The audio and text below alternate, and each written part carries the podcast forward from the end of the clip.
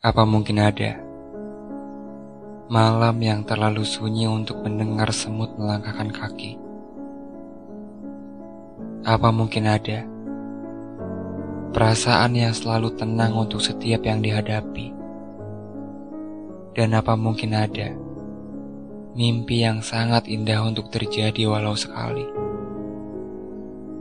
Jika ada, aku menginginkannya walau sebentar, walau sesingkat waktu yang telah berlalu. Karena kehampaan ini cukup merepotkan. Bahkan ketika aku sedang tertawa pun, ia bisa saja mengundang air mata seketika. Seakan kekosongan ini membuatku sulit untuk kembali percaya pada diri sendiri. Dan jika memang perubahan itu pasti, Aku hanya ingin menjadi lebih berani untuk berkata tidak kepada apa pun demi bisa mendengar tutur batin. Walau tetap tidak mendengar semut melangkahkan kaki, walau tetap tidak selalu tenang untuk menghadapi, dan walau tetap tidak mendapat nyata dari indahnya mimpi.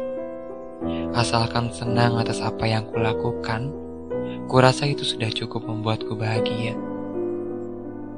Karena ternyata setelah batin kembali ku ajak bicara, yang selama ini ku cari ada pada diriku sendiri.